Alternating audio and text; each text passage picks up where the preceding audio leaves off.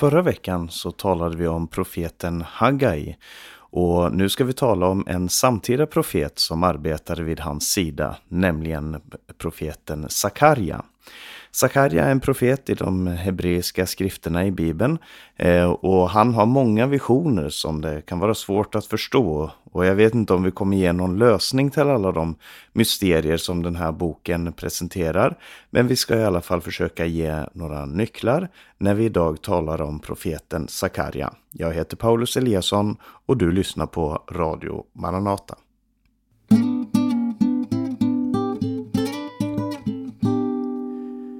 Sakarja är en av de tolv småprofeterna som avslutar vår eh, indelning av det som vi kallar för Gamla Testamentet. Det är den näst sista av småprofeterna. Eh, det är bara Malaki som kommer efter och därför så är det också den näst sista boken i, eh, i vår bibel. Eh, judarna delar ju in de här böckerna lite annorlunda. Det har jag talat om tidigare. Men eh, i vår indelning så är det här Sakarja den näst sista boken. Eh, Sakarja har 14 kapitel, så man skulle kunna tänka sig att det är en ganska lång bok. Men varje kapitel är eh, inte så jättelångt och det tar inte långa stunden att läsa igenom det här, eh, den här boken. Och om du har möjlighet att göra det så gör gärna det Ehm, eh, efter att vi har haft det här programmet. Nya testamentet citerar och refererar till Sakarja så mycket som 41 gånger. Ehm, det är ganska många gånger som, som den här profeten får vara med och vi kommer se ganska tydligt varför eh, Sakarja är så relevant för Nya testamentets författare. Den historiska kontexten till profeten Sakarja är egentligen densamma som den vi talade om förra veckan då vi talade om profeten Haggai. De är ju helt samtida och de nämns också tillsammans eh, hos profeten Esra. Situationen var att de båda började profetera år 520 f.Kr. för att uppmuntra judarna att återvända till arbetet med templet som de hade eh, lagt ner. Man hade byggt altaret, man hade byggt en, en grund, men sen eh, så, så stannade arbetet i 16 år. Eh, och Haggai, han var väldigt praktisk profet, talar mycket praktiskt om eh, liksom uppmana folket och säger så säger Herren, vänd om och, och börja bygga på templet igen istället för att bygga på era egna hus. Medan eh, Sakarja han, han tar mer, upp mer bakgrunden och orsaken och Guds stora plan och Guds stora tanke. Eh, därför så är, är Sakarja mer inträngande i, ska vi säga, Guds hjärta när det gäller de här sakerna. Och vem var då Sakarja? Ja, hans namn det betyder Herren minns eller Herren kommer ihåg. Eh, och det är också ett, ett, ett, tema som, som går igenom i, i Sakarja bok att eh, Herren har inte glömt sitt folk utan Herren önskar fortsätta att arbeta med dem som, eh, som tillber honom. Han var en präst, eller han var i alla fall i prästsläkten. Och han nämns i Esra bok och han nämns också i Nehemja bok och där nämns han ibland eh, prästsläkten. Och i i början, av kapit- I början av texten här så står det att eh, det är en som får bud att gå till Sakarja och säg till den unge mannen. Så han var antagligen inte en gammal man när han eh, tog emot de här eh, uppenbarelserna, visionerna ifrån Gud. Utan han var en ganska ung man. Just vad det betyder i den historiska kontexten, det, det kan jag inte helt säkert svara på. Eh, det kan ha varit en som var 25-30 däromkring. Man räknades ju ofta som en, som en fullvuxen man när man var 30, men man räknades också som ansvarig inför lagen redan ifrån 13 års ålder. Eh, och tematiken, vad handlar den här boken, vad handlar Sakarjas profetior om? Jo, som sagt, han uppmuntrar judarna att eh, börja bygga templet. Men ännu mer uppmuntrar han dem att överge sig själva till Herren. Att, att eh, komma till Herren och, och eh, överlä överlämna sina liv till honom på nytt. Och det är väldigt mycket som är uppmuntran och, och det presenteras ett stort hopp i eh, den här eh, boken. Och det är mycket som är messianskt. Det är, en, det är verkligen en uppmuntrande text att läsa. Eh, och, man, och man får se en, en sida av Gud som visserligen presenteras ofta i Bibeln men som kan vara lätt att förlora fokus på. Och den här boken är ju då skriven som en profetia Eh, det som kallas för den profetiska genren. Och inom den profetiska genren så är det ofta mycket poesi. När Gud talar så är det ett poetiskt tilltal när de bär fram så säger Herren och så kommer det ofta i poesiform. Och han har mycket ett apokalyptiskt bildspråk. Och med apokalyptisk menar jag inte det som människor idag menar ofta när de talar om apokalyps, att det liksom är världens ände och så här, nu, nu går allting åt skogen, det är en apokalyps. Apokalyps betyder uppenbarelse. Och Eh, i Daniels bok, i Sakarja, i Johannes uppenbarelse, i Nya Testamentet och andra inombibliska och utombibliska texter så används den här genren där man använder mycket bildspråk. Man talar om djur och, och eh, företeelser, föremål som får symbolisera eh, verkliga händelser och företeelser så att Gud uppenbarar vad saker och ting är genom att använda ett bildspråk. Och det kan vara eh, ett bildspråk som kan vara svårt att få grepp om. Men om man läser alla de här profetiska böckerna sida vid sida som använder de här språken så får man en fullständigare bild, en klarare bild av vad det handlar om. Och vi ska gå in först nu på de här drömsynerna som eh, Sakarja bok börjar med.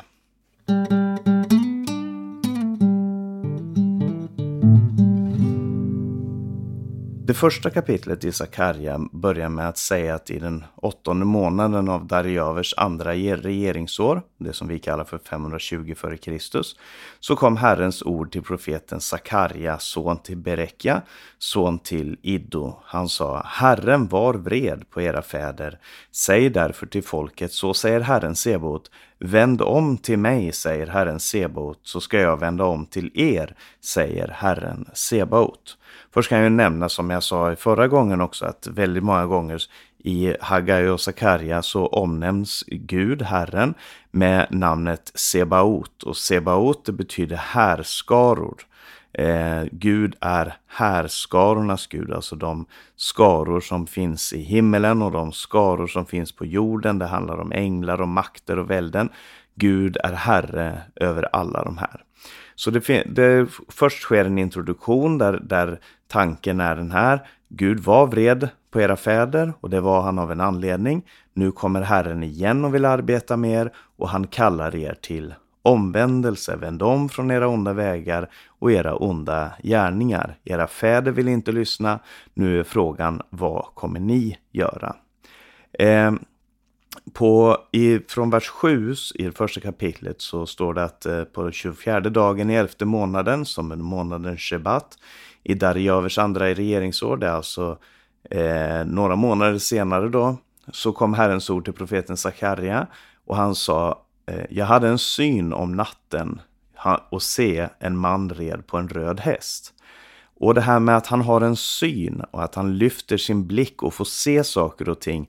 Det är ett genomgående tema i Sakarja bok. Han har inte mindre än åtta eller möjligen nio olika sådana här visioner som, som eh, dels är paralleller till varandra eh, men också eh, var och en pekar på olika aspekter av vad eh, judarna på den här tiden upplevde och vad de kom att uppleva, vad de skulle uppleva i framtiden.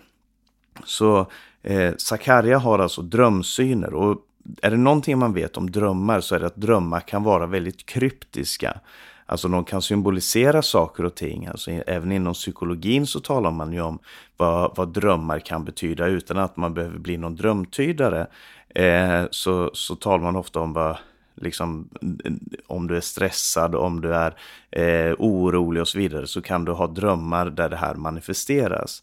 Och ehm, det här är drömmar som kommer ifrån Herren, men det är också drömmar som kan verka, verka mystiska eller eh, oförståeliga på många sätt. Och det, det, ska man inte se bort ifrån, att det, eh, att det finns eh, saker och ting här som kan vara svårt att förstå. Som man inte bara ska kasta sig runt och säga att ja, men jag har en förklaring och så tro att det är facit. Men man kan se den stora bilden eh, som, som profeten försöker teckna över, över eh, en stor textmassa, över flera kapitel. Och så kan man se eh, det kan ge en förklaring till vad det är han försöker säga. Och det är det vi försöker göra i det här programmet.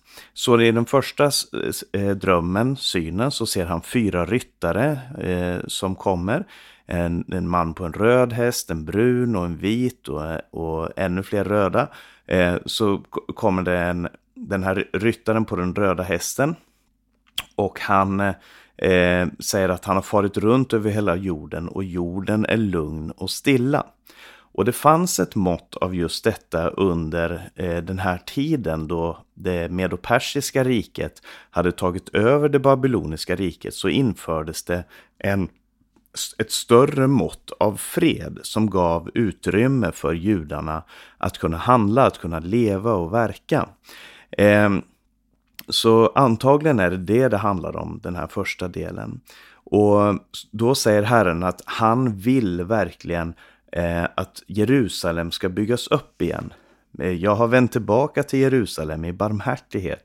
Mitt hus ska byggas där, säger Herren Sebaot, och mätsnöret ska spännas över Jerusalem. Och i slutet av vers 17, Herren ska än en gång trösta Sion, än en gång ska han utvälja Jerusalem. Det är den första synen där de får veta det finns ett mått av fred eh, och nu ska Herren igen bygga upp sin stad. Eh, från vers 18 till 21 så står det om fyra horn som antagligen symboliserar Assyrien och Babylon, de länder som hade skingrat Jerusalem, eh, som hade skingrat Israel och Juda ska jag säga, eh, som hade fört dem bort i fångenskap och så vidare.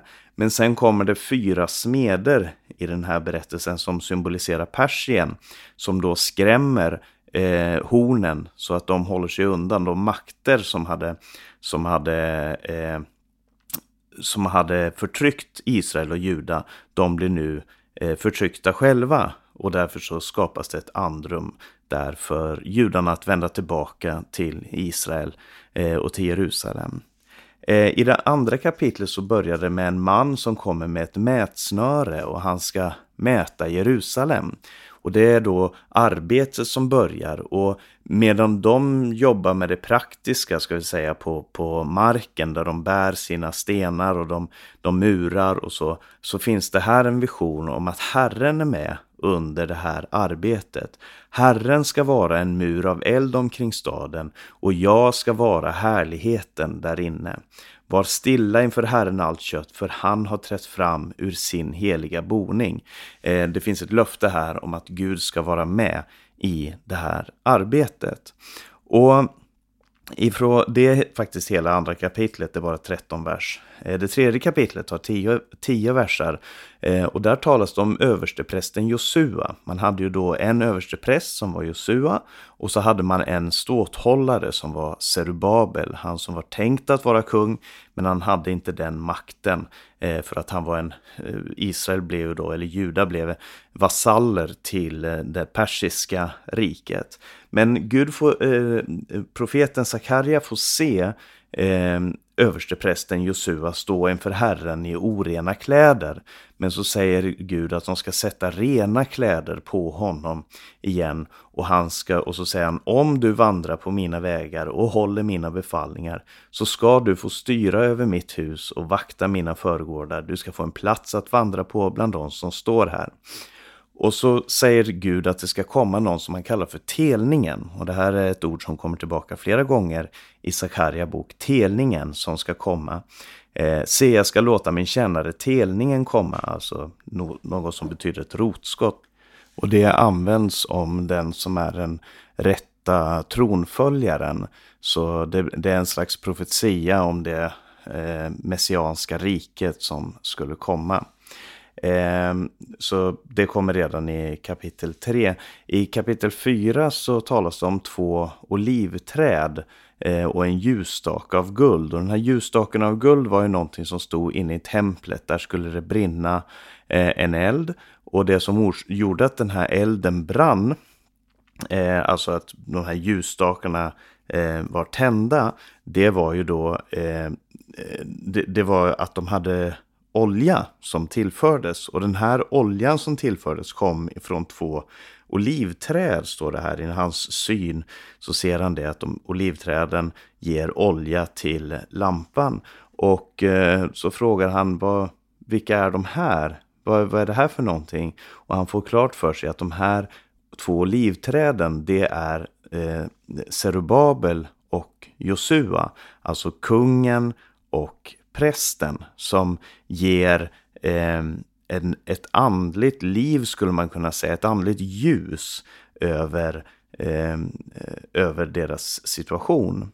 Och det sägs här att om, de, om folket vill låta den heliga ande verka så är det genom den heliga ande som huset ska byggas och som staden ska byggas. Prästen och kungen är grunden för rikets upprättelse och folket ska få seger i sitt arbete om de litar på Guds ande. Det är tanken i det fjärde kapitlet. I det femte kapitlet så får eh, Sakarja se ännu en väldigt märklig syn. Eh, men ännu inte den märkligaste. Det, det kommer två till här åtminstone. Det är till och med tre syner till. Eh, men först så ser han en flygande bokrulle. Bokrulle var ju det man använde på den tiden för innan man hade böcker. Eh, och han såg en flygande bokrulle och det är den, så säger han, det här är förbannelsen som går ut över hela landet. Var och en som skäl ska från och med nu bli utrotad enligt denna skrift och var och en som svär, alltså svär falskt, ljuger ska från, från och med nu bli utrotad enligt denna skrift. Så det, det är en slags bokrulle som flyger runt och fångar in de människor som skäl och de som ljuger. Och det kan ha varit människor som, eh, när det talas om lögn och att svära falskt, så handlar det om människor som har brutit förbundet. De hade ingått en, ett avtal om att bygga Herrens tempel, om att vara med i arbetet. Men de hade frångått det avtalet och när det gäller de som stal så kan det ha handlat om människor som hade lovat att ge saker till templet men som inte gjorde det. Eh, och är det någonting som Gud vänder sig emot så är det det här falska vittnesbördet och eh, eh, lögnen och stölden både ifrån Herren och ifrån människor. Så det finns en bokrulle, en lag som ska eh, nå de här människorna. I slutet av femte kapitlet så är den kanske märkligaste synen. Det är en kvinna som sitter i en sädeskorg eh, under ett lock av bly. Och den här kvinnan frågar vem, vad är det för någonting? Och han, och han säger det är ondskan. Och han knuffar ner henne i korgen och slog igen blylocket över öppningen. Det är en kvinna som symboliserar ondskan. Och så kommer två kvinnor fram som har vingar som storkar. Och här tror jag meningen är att man ska bli lite Eh, förvånad, lite överraskad. Vad, vad, betyder det?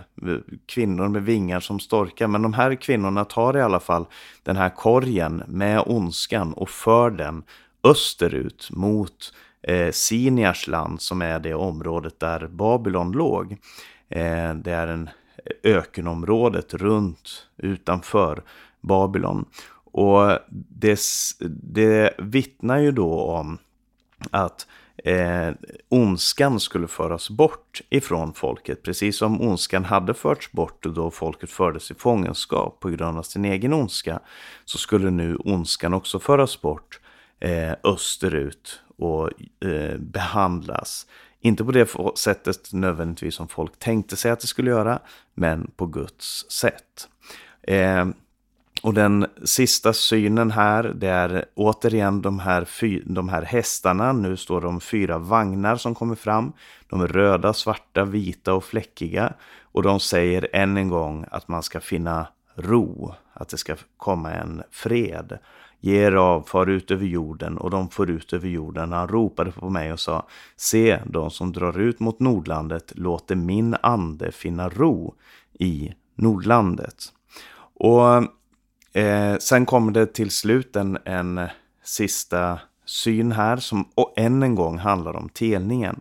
Och de här drömmarna som sagt, de kan ju verka förvirrande, men de beskriver på olika sätt folkets situation, deras förväntningar, deras kamp, deras sorg och deras frågor. Så om man sätter sig in i situationen till judarna på den här tiden så kommer man se det eh, tror jag, mycket tydligare vad det här handlar om. Och till slut så kommer kapitel 6, vers 9-15 som är ytterligare en berättelse om telningen.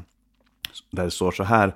Så säger Herren Sebaot, se, en man vars namn är telningen, under honom ska det gro, och han ska bygga Herrens tempel. Ja, han ska bygga Herrens tempel, han ska vinna härlighet och sitta på sin tron och regera. En präst ska han vara på sin tron, och frid, ursäkta mig, ska råda mellan båda. Eh, och, och, så står det i vers 15, så ska ske om ni lyder Herren er Guds röst. Så Gud hade en plan, en tanke om att han skulle sända den här telningen och att han skulle komma om de lydde hans röst. Och därför så fanns det en väldig förväntan ibland judarna på Jesu tid att eh, Herren ska sända sin telning, Herren ska sända sin Messias så fort vi lyder hans röst, när vi har gjort oss värdiga på något sätt av, hans, av att han ska besöka oss. Eh, sen i kapitel 7, nu är eh, de här synerna över, men i kapitel 7 så, och kapitel 8 så kommer den här frågan ifrån folket om de ska fortsätta att gråta och fasta som de har gjort hittills. Alltså underförstått så är frågan, ska Gud välsigna oss nu? Upprätta riket nu? Eller måste vi fortsätta att klaga som vi har gjort när vi har varit i Babylon? Och Sakarias svarar ifrån Herren och säger, jag har inte bett er om att klaga och fasta. Det har ni gjort för att ni har velat det. Jag har bett er om att ni ska vara goda, barmhärtiga mot varandra. Ge änkan och den faderlöse, invandraren och den fattige det som är rätt. Men det ville ni inte göra. Och så kommer Gud med ett löfte om att han ivrar för Sion med stor iver. Han, med, med vrede ivrig för henne, säger han. Och han vill vända tillbaka till sin stad. Och det kommer ett löfte om den kommande frälsningen för hela världen. Och den sista delen i, eh, i Sakarja kapitel 9-14 handlar om löftet om det kommande messianska riket.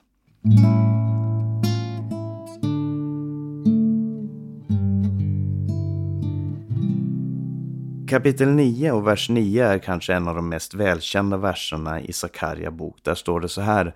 Fröjda dig stort, dotter Sion. Jubla, dotter Jerusalem. Se, din kung kommer till dig. Rättfärdig och segerrik är han. Han kommer ödmjuk, ridande på en åsna, på en åsninnas föl. Och när jag producerar det här programmet så eh, vi har inte kommit fram till första advent riktigt än, men vi är rätt runt hörnet. Eh, är första advent och eh, vi kommer att fira eh, det här eh, väntan på Herrens tillkommelse och i kyrkoårets texter så läser man då ofta om då Jesus red in i Jerusalem. Det här är en välkänd vers eh, som citeras i Nya Testamentet då Jesus rider in i Jerusalem. Och Sakarja skrev det här för att folket skulle kunna identifiera den sanne Messias som en ödmjuk man som är rättfärdig, segerrik, men som också är ödmjuk och kommer ridande på en åsna på en åsninnas föl. I kapitel 11 så står det, ja, i kapitel 10 så handlar det om Herrens omsorg för sitt folk, eh, att han ska ta hand om dem. Eh, men i kapitel 11 så står det om herdarna. Eh, Gud önskade att vara en herde för sitt folk, att leda dem på sina vägar, men det fanns andra herdar som inte ville, som, inte, eh, som, som vände sig emot honom och som, som dödade den här herden som Gud hade sänt. Och frågan var, skulle det här upproret vara för evigt? Och svaret är nej, det här upproret kommer inte vara för evigt. Det kommer att komma ett nytt rike. Och ifrån det tolfte kapitlet till det fjortonde, som är det sista, så presenteras det nya, det kommande riket som kallas för det nya Jerusalem. I kapitel 13 vers 1 så finns också en välkänd vers som säger på den dagen ska Davids hus och Jerusalems invånare ha en öppen källa till rening från synd och orenhet. Det handlar om en ström av liv som går ut ifrån det nya Jerusalem. Gud sänder ut nådens och bönens ande och de ser upp till honom som de har genomborrat. Varför citeras då Sakarja så väldigt ofta i Nya Testamentet? Jag tror att det handlar om att Sakarja beskriver det hopp som planterades i eh, judarnas hjärtan på den här tiden. De som tillbad Gud och väntade på Guds frälsning. De eh, fick ett hopp planterat i sig med Jesaja. Folket som återvände från Babylon, de förväntade sig att Gud skulle upprätta riket då. Och Sakarja sa, det ska komma en Messias som ska upprätta riket, men riket kommer på ett oväntat sätt. Och ja, det är faktiskt så oväntat att till och med Jesu lärjungar såg det fel. Och det är också oväntat på det sättet att som det står i, i, i slutet av, av texten här så ska det komma hedna folk som ska tillbe kungen. Folk ska komma från alla länder och de ska tillbe Gud i himmelen och de ska tillbe hans kung. Och vi som har Nya Testamentet, som har sett vad Jesus gjorde och hur han öppnade vägen för alla människor att komma till Gud, vi ser verkligen storheten i det här. Och om du vill förstå eh, den messianska förväntningen som fanns ibland judarna så borde du absolut läsa Sakarja bok. Och om du vill förstå också uppenbarelseboken så vill jag rekommendera dig att läsa Sakarja bok. Och jag hoppas att du i det här programmet har fått några nycklar till den här boken.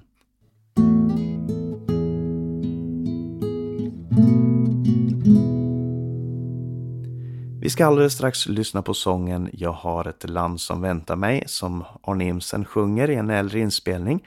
Men först ska jag ge lite information om Radio Maranata för du har lyssnat på en podcast som har sänds i Radio Maranata både i Stockholm 88 MHz och Örebro 95,3 MHz. Och jag som har talat heter Paulus Eliasson och du får gärna sprida de här programmen till andra om du finner dem intressanta. Om du har några frågor eller kommentarer så kan du skicka en e-post till info-maranata.se eller ring 070-201 60 20.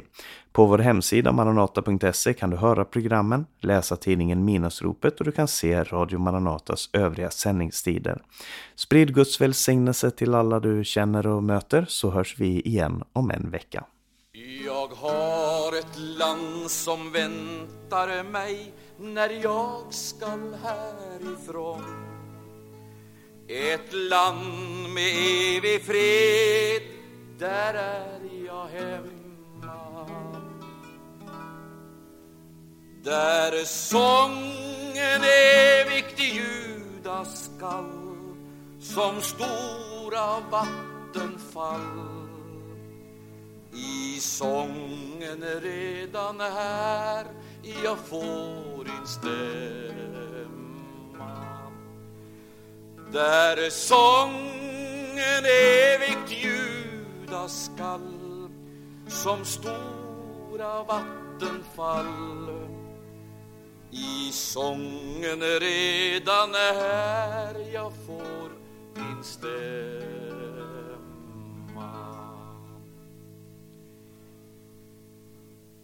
Jag vet en plats dit jag kan gå med varje min problem. Och allt som vill mig tynga här på färden där sorgen byts i glädje stor och tårar blir till fröjd. O Golgata, den bästa plats i världen där sorgen byts i glädje stor och tårar blir till fröjd. O Golgata, det bästa sted i världen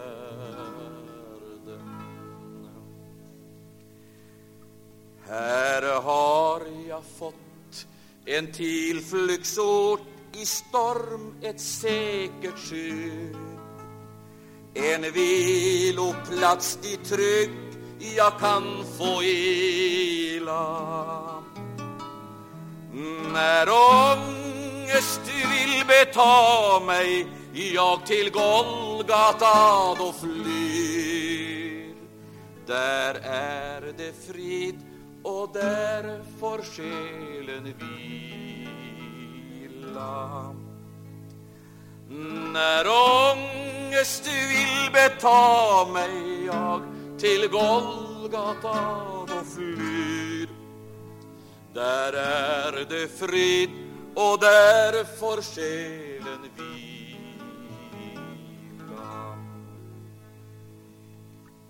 Jag älskar Golgata där jag fick lägga bördan av då jag var trött av synden och dess smärta. I blodet blev jag renad och fick rätt till livets träd. O dyre blod som rann från Jesu hjärta. I blodet blev jag renad och fick rätt till livets träd. O dyre blod som rann från Jesu hjärta.